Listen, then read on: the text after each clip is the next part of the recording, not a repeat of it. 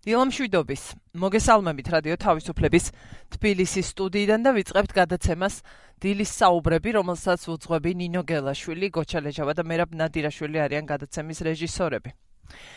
დღევანდელ გადაცემაში ჩვენ ვილაპარაკებთ იმ ზონებზე, რომლებიც ახალი კორონავირუსის COVID-19-ის გავრცელების გამო დღეს ყველაზე მკაც რეჟიმში იმყოფებიან, ასეთ რეჟიმში უწევთ ცხოვრება. ესენია მარნეულისა და ბოლნისის მუნიციპალიტეტები. ჩვენ მარნეულზე გავამახვილებთ ყურადღებას ჩვენი სტუმრები უფრო სწორად.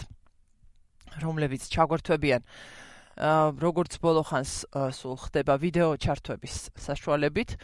ვიდრე პირველ სტუმარს წარმოგიდგენდეთ გეტყვით რომ დღეიდან საქართველოში შეწყდა დროებით საქალაქთა შორისო ტრანსპორტის მიმოსვლა და ეს შეეხება ასევე სარკინიგზო მიმოსვლასაც.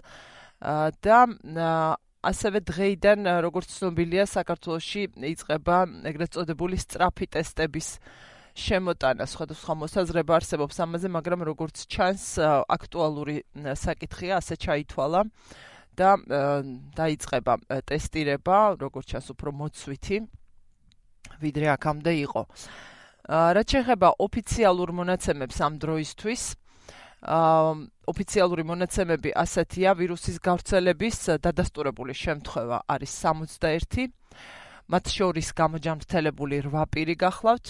каранტინის რეჟიმში რჩება 3222 პირი, სტაციონარში მეთვალყურეობის ქვეშ 237 პირი.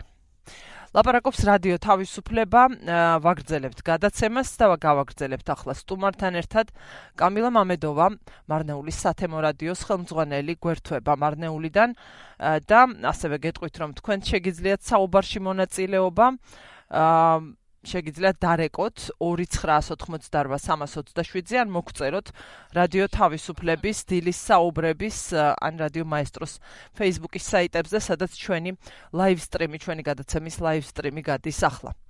კამილა დილამშვიდობის. დილამშვიდობის ნინო. აა როგორ ხარ? აა, ну, არის ესეთი პატარა შფოთვები, მაგრამ ზოგადად ვცდილობთ, რომ კარგად ვიყოთ.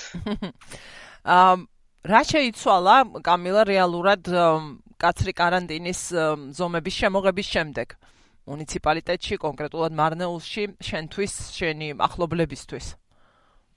ნინო რეალურად, როდესაც უშუალოდ აქ ხარ, ალბათ შორიდან უფრო ისე საშინელებათა ფილმის რაღაც ჟანრის გმირები გოდივართ, მაგრამ რეალურად აქ ცოტა ანუ წყნარად ვართ, ჩვენ სახლებში ვართ.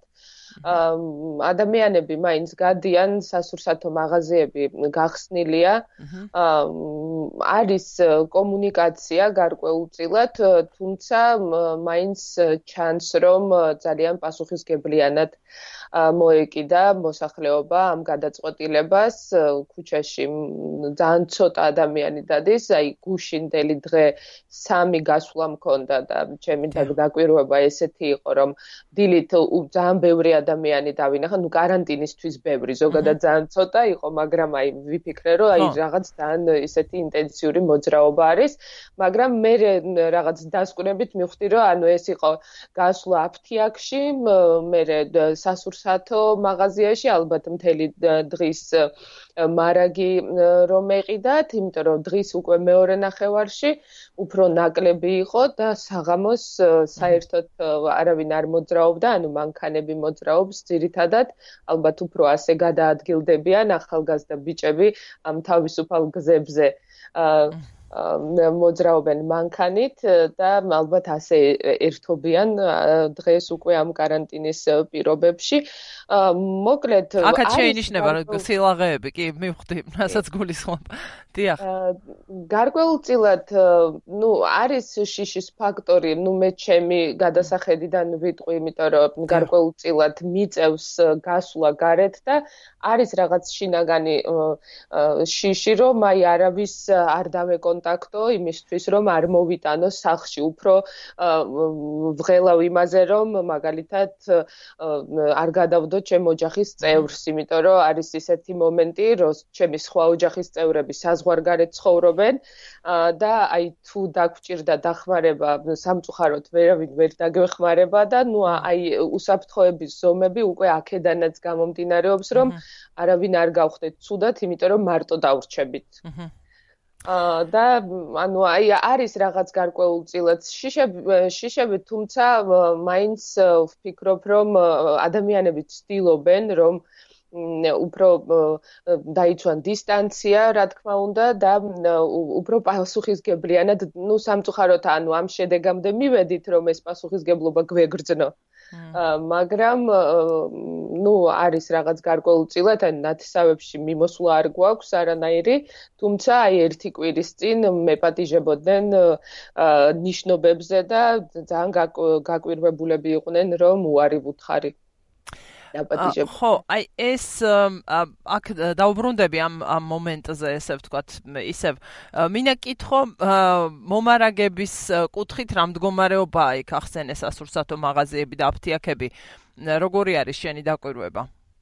ну აფთიაქებში ყველაზე საჭირო რაც გვჭირდება ეს სამედიცინო ხელთათმანები, ნიღბები, სამწუხაროდ გუშინ საღამოს ორ აფთიაქში გავიარე და არ ქონდათ, მაგრამ ამის დეფიციტი იყო каранტინის გამოცხადებამდეც. და კი, ანუ ეს რაღაც каранტინის პერიოდში არ დადგა მის კრიზისი, რაც შეეხება სასურსათოს, ну ეს ჩემი დაკვირვებით, ჩემი აზრით, ძალიან ბევრი მაღაზია გვაქვს. აა ვფიქრობ, რომ გარკვეული პერიოდი ჩვენ არანაირი პრობლემა არ შეგვექმნება, როგორც ვიცი, ანუ იქ სადაც გადაკეტილია გზა გუშინ რო ვესაუბრე პოლიციელებს თქვენს რომ ანუ სასურს სასურსათო ის დისტრიბიუტორი მანქანები მაინც შემოდიან გუშინ ზუსტად 9 საათზე მქონდა ბოლო გასვლა ქალაქში და აი ეს სადისტრიბიუტორო მანქანები იყვნენ გარკვეულ მაღაზიებთან და ამარაგებდნენ ამიტომ ვფიქრობ რომ ამის პრობლემა ნუ აი ამ ორი კვირის განმავლობაში ნამდვილად არ იქნება. თან ადგილობრივები აი როგორც ჩვენ Facebook-ზე ვხედავთ თბილისში ერთობიან იმითი უკვე რომ აცხობენ სახში რაღაც პურს და ასე შემდეგ, ამიტომ მე ვფიქრობ რომ შივრები ამ პერიოდში არავინ არ დაურჩება. ხო, ასე ასე როგორც ჩანს ეს ეს უნდა დავიჯეროთ და ამ თვალსაზრისით მაინც შვიდად უნდა ვიყოთ რა ინფორმაციაც არსებობს. ასევე იმას აღნიშნავენ, რომ ტურისტული სეზონი იწყებოდა ქვეყანაში ზოგადად და მარაგები არის საკმაოდ დიდი.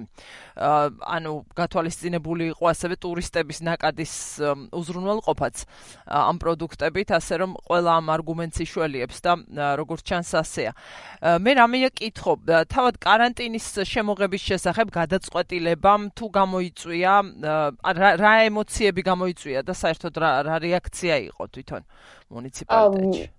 მე ვფიქრობ, რომ ეს საკმარისად იყო თუ არა ახსნილი მაგალითად, რომ ზედმეტ ველო არ გამოეწვია. ეს იყო ლოგიკური ზედმეტი ღელვა არ მიგურწნია მე მოსახლეობაში ვფიქრობ რომ ანუ ყველა ამბობდა იმას რომ უფრო მკაცრი ზომები გვინდა იმიტომ რომ როდესაც იყო რეკომენდაციების სახით იმიტომ რომ არ შემიძლია არ აღნიშნო ეს ფაქტი რომ ინტენსიურად შეიძლება დაგვიანებულად მაგრამ მაინც ინტენსიურად პიროვნულ დონეზე მე მერი მაგალითად მარნეულის ძალიან სთხოვდა ნუ აქვს ავტორიტეტი მოსახლეობაში და სთხოვდა რომ ეს რეკომენდაციები გაეთვალისწინებინათ. სავარაუდოდ, ну, არისო ეს ისე გათვალისწინებული, იმიტომ რომ ქორწილები და ის სხვადასხვა ნიშნობები და ტარდებოდა მაინც ეს ღონისძიებები და სავარაუდოდ ანუ ჩვენ გვჭირდებოდა ეს სახელმწიფო დონეზე გადაწყვეტილება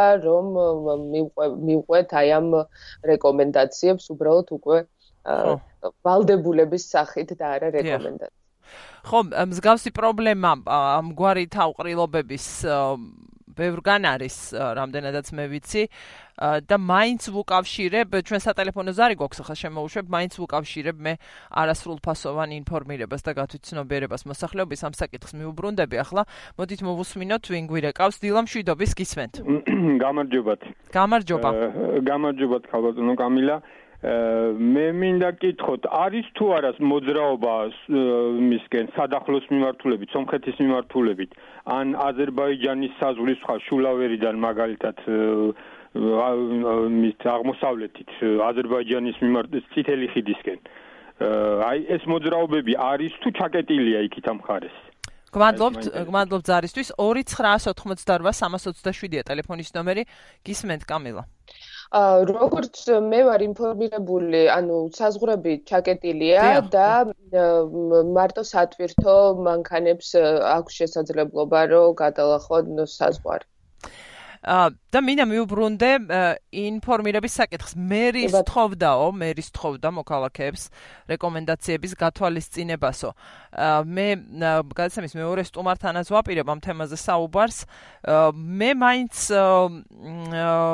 ჩემი დაკვირვებით ეროვნული უმცირესობების ინფორმირება უმცირესობების ენებზე, მათთვის გასაგებ ენებზე ინფორმირების უზრუნველყოფის თვალსაზრისით ნამდვილად არ იყო, ასე რბილად თუ ვიტყვი, კარგი მდგომარეობა. დაწყებული იმ მომენტიდან, როცა ხელისუფლებამ დაიწყო მოსახლეობისთვის რეკომენდაციების გაცემა, იქნებოდნენ ეს თქვა დაავადებათა კონტროლის ეროვნული ცენტრის წარმომადგენლები, მათი ინფორმაცია თუ მთავრობის გადაწყვეტილებები. მე ვიცი რომ ძალიან აქტიურობდით თქვენ ადგილობრივი მედია, კონკრეტულად თქვენი რადიო ამ კუთხით, მაგრამ როგორ არის ზარი გვაქვს კიდევ? ხო დავსვამ კითხვას და შემდეგ ერთად გვიპასუხებს ჩვენი სტუმარი. როგორ ვრცელდება, როგორ უფრო ეფექტიანად ვრცელდება, ძირითადად რა წყაროებს მისდევს ადგილობრივი მოსახლეობა, მე მესმის შეიძლება ეს თლიანად მუნიციპალიტეტშიც არ იყოს ერთგვაროვანი, გულისხმობს საინფორმაციო წყაროების გამოყენებას და ამაზე მინდა გავაგრძელოთ საუბარი, ჯერ მოусმინოთ მსმენელს. დილამშვიდობის გისმენთ. გამარჯობა. აა მე დირექტორ პეტრი წყაროდან რაიონია მარნეული. ჩვენთან მაგალითად მაგა მე ვარ ესეთი მაღაზიის მეპატრონი და ერთი პრობლემა გვაქვს რა ვიცი მე ხმა მიაწვინოთ ანუ მაღაზიები კი უმუშაოდ მართალია მაგრამ არ გვაქვს არც პირვადები არც დეზინფექციო სითხე და იქნებ რამენერა დაგვეხმაროს. ყველა და მოგვიწევს დაგეტოვო ჩვენ ჩვენ სასაცილო ფსკულები თეთრი წყაროში ხო ძალიან დიდი მადლობა. დიდი მადლობა ზოგადად არის ეს პრობლემა. და მე არ ვიცი როგორ უნდა გადაიჭრას, მაგრამ შეიძლება გვისმენს ვინმე, ვისაც ნუ მე შემიძლია ვურჩიოთ ჩვენ მსმენელს რომ ჩვეულებრივად აი თუ ანუ არ მგონია რომ რეკლამაში შეიძლება ჩამეთვალოს, ანუ ჩვეულებრივი ლარიანი ის არის, რა ქვია, სველი სალფეტკები, რომელშიც დავამატე სპირტი. ანუ დასპირტული სალფეტკები არის, რომელიც შეგიძლიათ გამოიყენოთ და ჩვეულებრივად აი მაგიდაზე მიდევს ჩვეულებრივი ეტანოლი. და ამასაც ვიყენებ მთელი დღის განმავლობაში, ვიცი რომ რეკომენდაციებიდან გამომდინარე, ანუ რაღაც სპეციალური დეზინფექციური საშუალებები კი ძალიან სიმპათიურია, რომ რაღაც სითხე გაქვს ლამაზი და ისე რა ქვია, რაღაც შეფუთვაში, მაგრამ აი ნამდვილად არის შოვება და გამოსავალი ესეთია, იმიტომ რომ მთელი დღე რო გავდივარ მე გასაშუქებლად, ანუ საღამოს საათებში უკვე თვალები მეწვე იმის გამო გამო რომ აი ამ სპირტით ვამუშავებდი ხელებს და უკვე მეკერცლება ხელებზე ისე რა ქვია კანიც მაგრამ ნუ აი სხვა გამოსავალი ამ შემთხვევაში არ არის და ჩვენ თვითონ უნდა მოვიფიქროთ რაღაც ამ შემთხვევაში შესაძლებლობა რომ მეტნაკლებად დავიცვათ აი ეს ჰიგიენის ნორმები. ამიტომ აი ეს რადიკალურად თქვა, ანუ თქვენ ჯანმრთელობაზე მე ვფიქრობ პირველ რიგში უნდა იზრუნოთ და აა ვიღაცისგან მოლოდინი რომ რაღაცას გაგიკეთებს, ანუ ყველაზე ცუდი არის.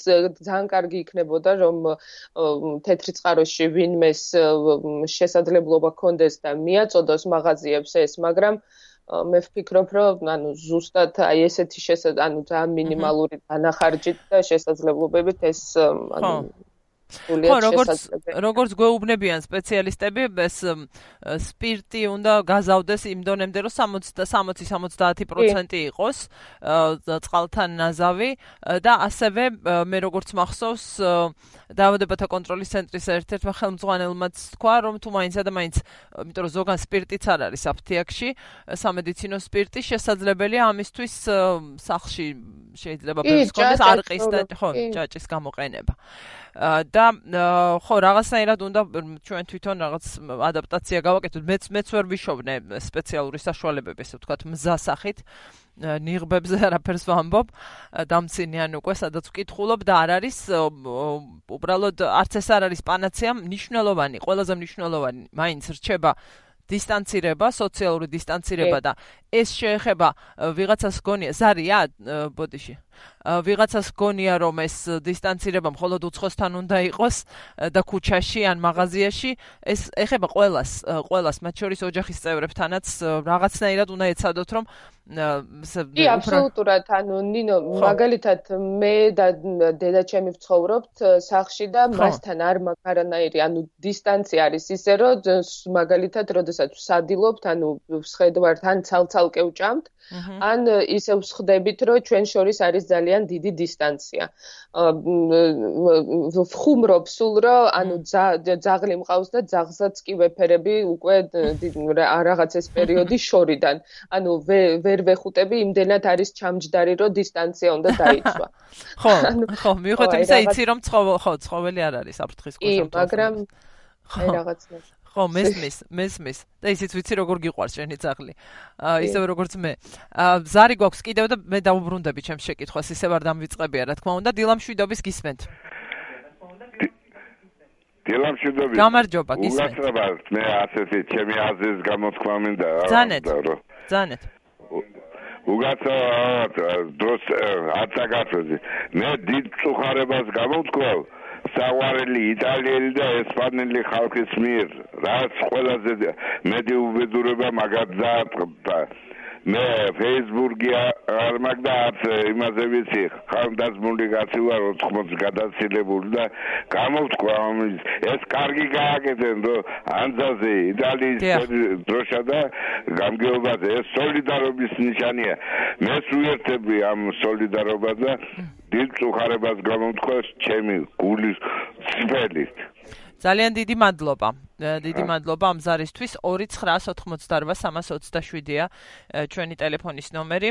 და ვუბრუნდები კითხვას რაც შეეხება საინფორმაციო წყაროებს ზოგადად რა არის ყველაზე ეფექტიანი მარნეულში, მარნეულის მუნიციპალიტეტში როგორ განსხვავდება ეს ადგილიდან ადგილამდე და მაინც მინდა კითხვა, აი მეუბნები რომ მითხარი რომ ნიშნობაზე მეპატიჟებოდნენ სადღაც ერთი კვირის წინო და სხვადასხვა ადგილასო. რატომ რა რა როგორ ფიქრობ რა რაღაცა მე არ მგონია რომ რაღაც განსაკუთრებული თვისებების მატარებელი მოსახლეობა იყოს მარნეულის მუნიციპალიტეტში ვიდრე დანარჩენ საქართველოსია ან სოფლიოში რა იყო ამის მიზეზი შენი აზრით ამ იცით როგორ არის ნინო აი მე მაქვს ჩემი რაღაც მოსაზრება ამაზე რომ მარნეულში აი როგორ ხდება ეს ყველაფერი რა თქმა უნდა არაფრით არ განსხვავდება მარნეულელი ჭიათურელისგან, მაგრამ მაინც ანუ ინფორმაციაზე ვიტყოდი კი დაიწყო ინტენსიურად კამპანია ინფორმირებულობის აი ეთნიკური უმცირესობების ენებზე, იმიტომ რომ ანუ გამოითქვა ესეთი აზრი, რომ აქ ინფორმირებულობის პრობლემა იყო.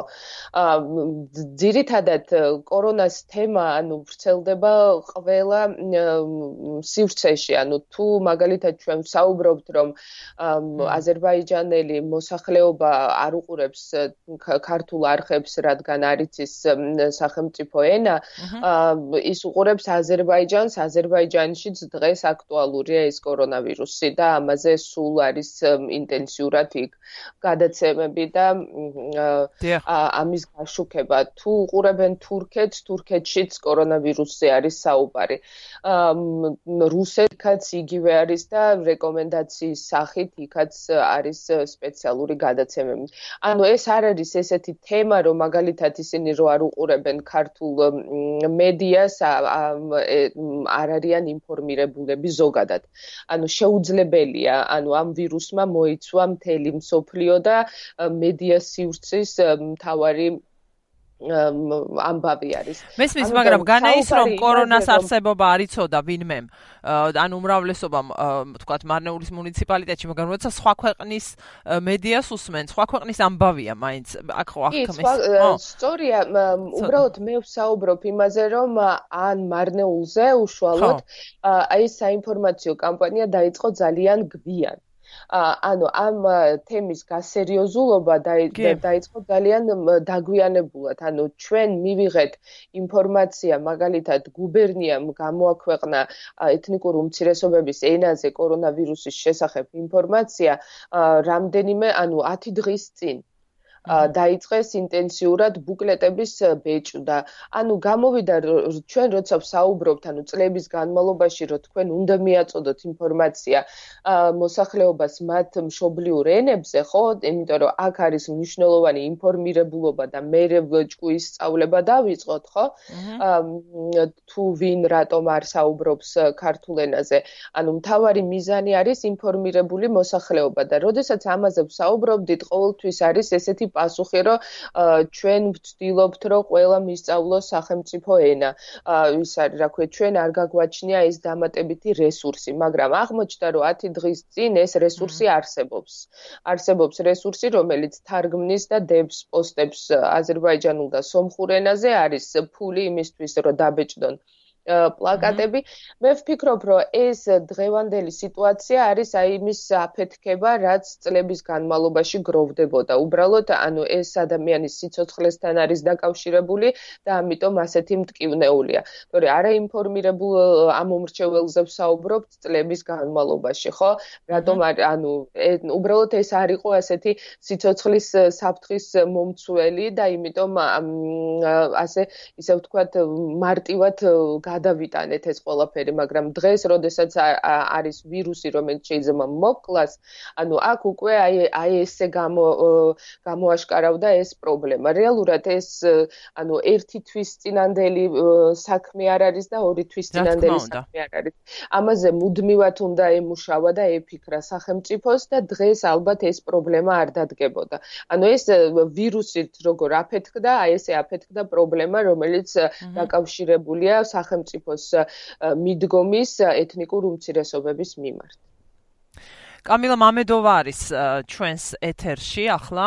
მარნეულის სათემო რადიოს ხელმძღვანელი ლაპარაკობს რადიო თავისუფლება და ვაგრძელებთ დილის საუბრებს. მსმენელი ყავს კიდევ ერთი ხაზზე. დილა მშვიდობის გისმენთ გამარჯობა ქალბატონო და ქალბატონო კამილა და რამიდო და აი სადი პიქჩერ საშუალების ნაკლებობა რვარს და აი მაგალითად ხო შეიძლება გამოვიყენოთ ამას კარგი ოჯახური შიდნახადი მაღალ გრადუსიანი არაღი 70 გრადუსიანი არაღი სპირტი არაღი რა რომელიც ხავს ძალზე და მეორე კიდე აი მაგალითად სამეურნეო საფონი როა მისგან ხო შეიძლება დამზადდეს კაფე რომელსაც მაგალითად დაასრულებს სალფეტკებს ან და თქვა მაგალითად აი ხელის დაბანის შემდეგ ჩაფხაჭნო ეს საპონი და აი საპონი მოაქციო ფრჩხილებს შორის რომ ესე იგი ის იქ იქნება და ალბათ დაბანის დროსაც აგვეშველება ესა და კიდე რაც შეეხება ინფორმირებულობას თქვა მაგალითად მე მგონი ჩემი თაობისა და ახალგაზრდა უფრო ახალი თაობის სასამიანები კარგად არიან ინფორმირებული და მათთვის ურთიერთობაში კარგად არის თქვა რუსული ენა და რუსული საინფორმაციო სამსახურები აქტიურად მუშაობენ აი ინფორმაციის სახე და იქნაც ძალზე ბევრი ინფორმაციას ვღებულობ დიახ, ალბათ ისინიც მიიღებენ სომხები და აზერბაიჯანი რუსული ენდანაც იქნებიან ინფორმირებული. აა მაგმადლობთ ზარისთვის, ხო, საპონს ფრჩხილებში ნუ ჩაიტოვებთ. საპონი და ხელის დაბანისთვის გამოიყენეთ, იმიტომ რომ კანს გაგიღიზიანებთ. და სხვა პრობლემა შეგექმნებათ შემდეგ, სხვა თუ არაფერი. აა საპონი კარგია, როცა ვთქვათ, წყალთან შეხებაში ის ქაფდება და ამ დროს აქვს მას სწორედ ესეთი ანტიბაქტერიული მოქმედება. აა და ნებისმიერი საპონი, რომელიც ქაფდება, შეგიძლიათ ამისთვის გამოიყენოთ და რაც შეეხება ასე ვთქვათ, სახლის სახლში დამზადებულ არახს თუ სპირტს, რა თქმა უნდა, გამოსადეგია ისიც იმ პროცედურებისთვის, ზედაპირების გაწმენდისთვის თუ ხელების დეზინფიცირებისთვის, რაზეც ლაპარაკობთ სულ სულ ყველაზე კარგი საშუალება მაინც დაბანაა ხელის, თუ კი ამის საშუალება არ გაქვთ ჯიბეში რომ გქონდეთ პატარა ბოთლით, ასეთი ხსნარი სპირტიანი, კარგი იქნება. კიდევ ზარი გვაქვს? აა და კამილა მოგცემ საშუალებას შენს რომ უპასუხო. დილამშვიდობის გისმენთ. გამარჯობა, ქალბატონო ნინო. გამარჯობა. ქალბატონო კამილა, დღეს მოგესალმებით, გამიხარდა რომ მოგესალმებით. მარნეულის რადიოს ხელმძღვანელი ხარ, მე სადახლოდან ვარ საერთოდ, მაგრამ თბილისში ცხოვრობ და ვეღარ მიდივარ, რა ვიცი, ბიზნესი ბევრი არის, ბევრია, ბევრია. ხო, იცით რა მაინტერესებს რა? დიახ. თქვენ ხო შემთხვევით არიცით? დიახ. თამის ყურში ხარ ახართ?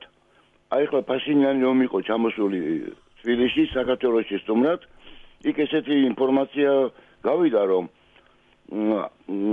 სურვილი არის ყოველ შემთხვევაში სამხრეთის მხრიდან რომ ხვალზე უბრალო ჩვენ რო გვაქვს ისინი ბიოპასპორტები. იმის შეაძლებელი გახდეს საზღვრის გადალახვა სამხრეთში დაუშვათ მოდის ადამიანს ჩასვლა. რამე ხო არ იცით მაგის გარშემო თქვენ. მე მგონი შეთანხმება ოფიციალურია როდესაც ანუ ამ პასპორტებით შესაძლებლობა იქნება რომ გადაადგილდნენ. ანუ ამის შეთანხმება გახარიას და ბაშინიანის შორის მოხდა და ეს საინფორმაციო სივრცეშიც იყო ახლა არ არის შესაძლებელი ოღონდ რომ იცოდეს ჩვენ მომსმენელმა მეზობელ ქვეყნებთან ხო და ზარი გვაქვს კიდევ თუ გავაგრძელო? დიდი მადლობა. 29988 ჩვენი ტელეფონის ნომერი ლაპარაკობს რადიო თავისუფლება და ასევე ჩვენი გადაცემის სტრიმი გადის რადიო თავისუფლების დილის საუბრების და რადიო მაესტროს Facebook-ის საიტებზე. იქ შეგიძლიათ მოგწეროთ თუ დარეკვა არ გსურთ ან უფრო გიხერხდებათ. კამილა ინფორმაცია განახლდა ოფიციალურ საიტზე და არის კიდევ 5 დადასტურებული შემთხვევა, ანუ 66 გახდა დადასტურებული შემთხვევების რაოდენობა. და გაიზარდა ასევე каранტინის რეჟიმში მყოფთა რაოდენობა 3222 გამოვაცხადა გადაცემის დასაწყისში და ახლა არის 3320. ხო, ესეთი არის სურათი. და რაც იცით ახლა დამშვიდებისთვის არა, მაგრამ რაციონალურად რომ შევხედოთ, თქვა ამ ტიპის ზრდა როგორ თქვა, მისაღები არის ამ პერიოდში, მატება ლოგიკურად მოსალოდნელია, სრულად წარმოუდგენელია რომ არ იყოს მატება და ამ ტემპის მატება ინფიცირებულების ყოველ შემთხვევაში გამოვლენილი შემთხვევებია, მესმის ახლა ეს აბსოლუტური რიცხვი ვერ იქნება, მაგრამ მაინც ამ ტემპში მატება, რაც უფრო დროს მოვიგებთ, ასე ვთქვათ, ვირუსთან უმჯობესი იქნება. ზარი გვაქვს კიდევ კამილო ბოდიში, აღარ დაგაცადე ხმის ამოღება. ბოდიში, დილამშვიდობის. გამარჯობა. აა, ასე შეკითხვა მაქვს. პირბადეთან დაკავშირებით, თუ არის შესაძლებელი ან თუ არის ესეთი რაღაცის დაშვება, რომ როდესაც პირბადეს გამოიყენოს ადამიანი, ის შემდეგ ჯერში ჩარდოს ან მოათავსოს, გააშროს შემდეგ და შემდეგ ისე გამოიყენოს. სად მოათავსოს უკაცრავად? სპირტში. ა, სპირტში. ა, გააშროს და შემდეგ ისე გამოიყენოს. ნუ გამომდინარე იქიდან რომ პირბადეები ძალიან დიდია და არ ვიცი სხვათა შორის. დიდი მადლობა ზარისთვის, ხო, ასეთი ერთჯერადი რო ესე გამოვიყენოთ, არ ვიცი, რამე იცი კამილა წაგიკითხავს ამაზე? ნუ მე ვიცი რომ 2 საათიანი ვადა აქვს პირბადეებს და მათი გარეცხვა არ შეიძლება, არ ვიცი რამდენად რამდენად შესაძლებელია რომ გამოიყენო ერთჯერადი სპირტის გამოყენებით. ნამდვილად ასეთი ინფორმაცია არ შემხვედრია სამწუხაროდ ვერ ვუპასუხებ. ხო. და რა მინდოდა მე თქვა ერთი რამ არის ფაქტია რომ ჩვენ ხალ ლაპარაკობდე გამოჩნდა ინფორმაცია ბროშურების დარიგება დაიწყესო ასე შემდეგ. მე ვიცი რომ ეს გარკვეულწილად სამოქალაქო საზოგადოების ინიციატივაც იყო ერთ-ერთი ძალიან კარგი. ხო, სამოქალაქო საზოგადოება, მაგრამ მე თუ შეიძლება ნინო აი რუსულ ენაზე ვუპასუხებდი თქვენ მსმენელს, როდესაც ალტერნატიულ ისე ვთქვათ კომუნიკაციის შესაძლებლობად კვლავ რუსულს გვიჩეჩავენ. აა უბრალოდ საქმე იმაშია რომ ნამდვილად საქართველოში იყო და არის ქართული ენის ცოდნის პრობლემა ეთნიკურ უმცირესობებში, თუმცა ძალიან კარგი შედეგები გვაქვს რომ ახალი თაობა საქართველოს მოქალაქეებს ეთნიკურ აზერბაიჯანელებს და სომხებში არის ქართული ენის შესწავლის ანუ ეს პროგრესი განათლების მიღება. ანუ ის ახალი თაობა რომელმაც გააკეთა არჩევანი რომ რა თქმა უნდა შესაძლებლობაც მიეცა გარკვეულწილად ანუ სახელმწიფო სერვისებით გააკეთა არჩევანი რომ იცოდეს სახელმწიფო ენა და აი ეს შუ შუამდგომლობა რუსულის როდესაც იყო ადრე ანუ აი იმ საბჭოთა პერიოდის და პოსტ პერიოდში ამის აქტუალურობა უკვე აღარ არის კი შეიძლება როგორც დამატებითი ენა ანუ ენების ცოდნა ძალიან კარგია გარკვეულწილად იცოდნენ რუსული ენა მაგრამ ჩვენ შორის კომუნიკაციის ენა დღეს არის ქართული და ანუ იმის თქმა რომ აი რუსულად არის და მოდით რუსულად მივაწოდოთ მაგალითად გუშინ როდესაც ცხელხაზზე დავრეკეთ იმიტომ რომ გვაინტერესებდა საუბრობენ თუ არა აი ამ ცხელხაზზე 15.05-ზე და 116.001 საუბრობენ თუ არა ეთნიკური უმცირესობების ენაზე, იმიტომ რომ დღეს каранტინი არის გამოცხადებული ამ ანუ ამ თემში და შესაძლოა დასჭირდეს, ხო, ეს რაღაც გარკვეული ინფორმაციის მიღება და რომ დავრეკეთ, ანუ კვლავ ოპერატორმა თქვა, აი რუსული ხომ არიცის, რომ რუსულად დავეხმაროთ. ანუ კვლავ არსებობს ეს სტერეოტიპი და არიციან, კი, უფრო უფროსი თაობა შეიძლება იცოდეს და იცის რუსული possible, მაგრამ ყველასთვის დღეს ეს კომუნიკაციის ალტერნატივა აღარ არის. მესმის, ხო, და ეს უნდა გაითვალისწინონ, კი? ხო, ეს უნდა იყოს გათვალისწინებული და ნუ დაგპირდნენ, რომ ამ ცხელხაზებზე იქნება დამატებული ოპერატორები, რომელიც საუბრობენ სომხურად და აზერბაიჯანულად და ვიმედოვნებ, რომ ეს ძალიან მალეც მოხდება. ჩვენი ლაივ სტრიმის ქვეშ ჩვენი კოლეგა აა მეგობარი მარინა მაშაყმაძე გესალმება, გესალმება და გითვლის მოკითხვას და გაძლება კამისო. მადლობა. და რა არის ის რაც მე არ კითხე? მე ვიცი რაც არ კითხე მაგალითად და მაინც მინდა რომ კითხო. გუშინ სოციალურ ქსელებში და იმიტომაც ასევე თქვენ საიტზე, თქვენი რადიოს საიტზე და ამით დავასრულოთ ეს ჩართვა. გამოქვეყნდა ასევე გამოქვეყნდა ასევე გიორგი კეკელიძის ეს ხალი არის შემცდარი საქართველოს მოქალაქე და არა დამღუპველი თათარი ბჭყალებშია ორივე. აა მინდა ამ გამოხმაურებას უპასუხო შენ. მაინც მინდა რომ გთხოვო ეს მესმის რომ არ არის ადვილი. აა ის ნინო ჩვენ ანუ მე რეაქცია არ მაქვს. აა ჩემამდე ეს არ მოდის. აა იმიტომ რომ ეს ალბათ არის შიშის და იმ აგრესიის და ქსენოფობიის, რომელიც ადამიანებში არის, გინდათ თუ არ გინდა. აა სტრინს აი იმ აქტივისტებს, რომლებიც მე ალბათ უკვე რაღაც იმუნიტეტი მაქვს გამომუშავებული, უფრო დიდხანს ვარ ამ ანუ აი ამ სამოქალაქო აქტივიზმში და უფრო ხშირად მხვდებოდა ეს ყველაფერი ჩემ ცხოვრებაში და დღეს უკვე არ მაქვს ესეთი რეაქცია. ანუ გუშინ ვფიქრობდი და როდესაც იტალიიდან წამოვიდა ეს კორონავირუსის შემთხვევები, ჩემს ამეგობროშიც იყო ესეთი პოსტები, რომ აი იტალიაში რო დადიხართ 20 ლარიანი ბილეთები ესეც ხო იგივე არის პრინციპი. ხო და აი ამას შევადარე, ანუ დღეს ეს არის უბრალოდ შიში ანუ აი ამ დაავადების და ჩვენ რა თქმა უნდა ვცდილობთ რომ ვიპოვოთ ვინმე დამნაშავე და აი ეს გამოიხატება ასეთი არასწორი ფორმით. ა მე ნუ დღეს ძალიან ბევრს ვისაუბრებთ ამ თემაზე, რადგან საკმაოდ მტკივნეულია. აა, როდესაც ჩვენ საუბრობთ, რომ ეროვნება არ გააჩნია დაავადებას და ზოგადად საქართველოს მოქალაქეებსაც კი და ეს ყველაფერი ძალიან პირადი არის, რაც რელიგიას და ეთნიკურობას ხდება. ну სამწუხაროდ ამ გათვითცნობიერებას ჩვენ უფრო მეტი დრო გვჭირდება, იმიტომ რომ უკეთესად არის სიტუაცია, მაგრამ ну უნდა ვიმუშაოთ. არ ვიტყოდი რომ უნდა გავჩუმდეთ, ანუ ალბათ სათანადო პასუხი არის ის, რომ უფრო მეტი ადამიანი ეთნიკური უმცირეს წარმომადგენელი იქნება ამ საზოგადოებაში ჩართული და რა თქმა უნდა აი ესეთი აქტიური და ავტორიტეტული ადამიანები, როგორც არის კეკელიძე და სხვა ადამიანები, რომლებიც ამ თემას არ ერიდებიან და საუბრობენ, ალბათ საზოგადოებას მოამზადებენ იმისთვის, რომ ანუ გადახარშონ ეს ინფორმაცია და გადახარშონ ეს აგრესია, რომელიც მათ გააჩნიათ. აი სხვათა შორის დავაკვირდით, რომ იქ კომენტარები იყო ძალიან ისეთი ამ მის პოსტის ქვეშ ძალიან კორექტული. მიუხედავად იმისა, რომ რა თქმა უნდა, ქონდა იყო იქ იგივე აგრესია, მაგრამ ცოტა ესე ეთიკურ ნორმებში შეფუთული. ალბათ აი ზუსტად ალბათ ასეთი ადამიანები, როგორც გიორგი არის, უნდა ისაუბრონ, რომ ადამიანები უფრო დაიმორჩილონ საკუთარი აგრესია და დაიწყონ ფიქრი იმისთვის, რომ რაღაცნაირად აი ცუდად არ გამოჩნდნენ მის წინაშე, მაგალითად თუ ეს ძალიან მნიშვნელოვანია. ძალიან დიდი მადლობა. კი.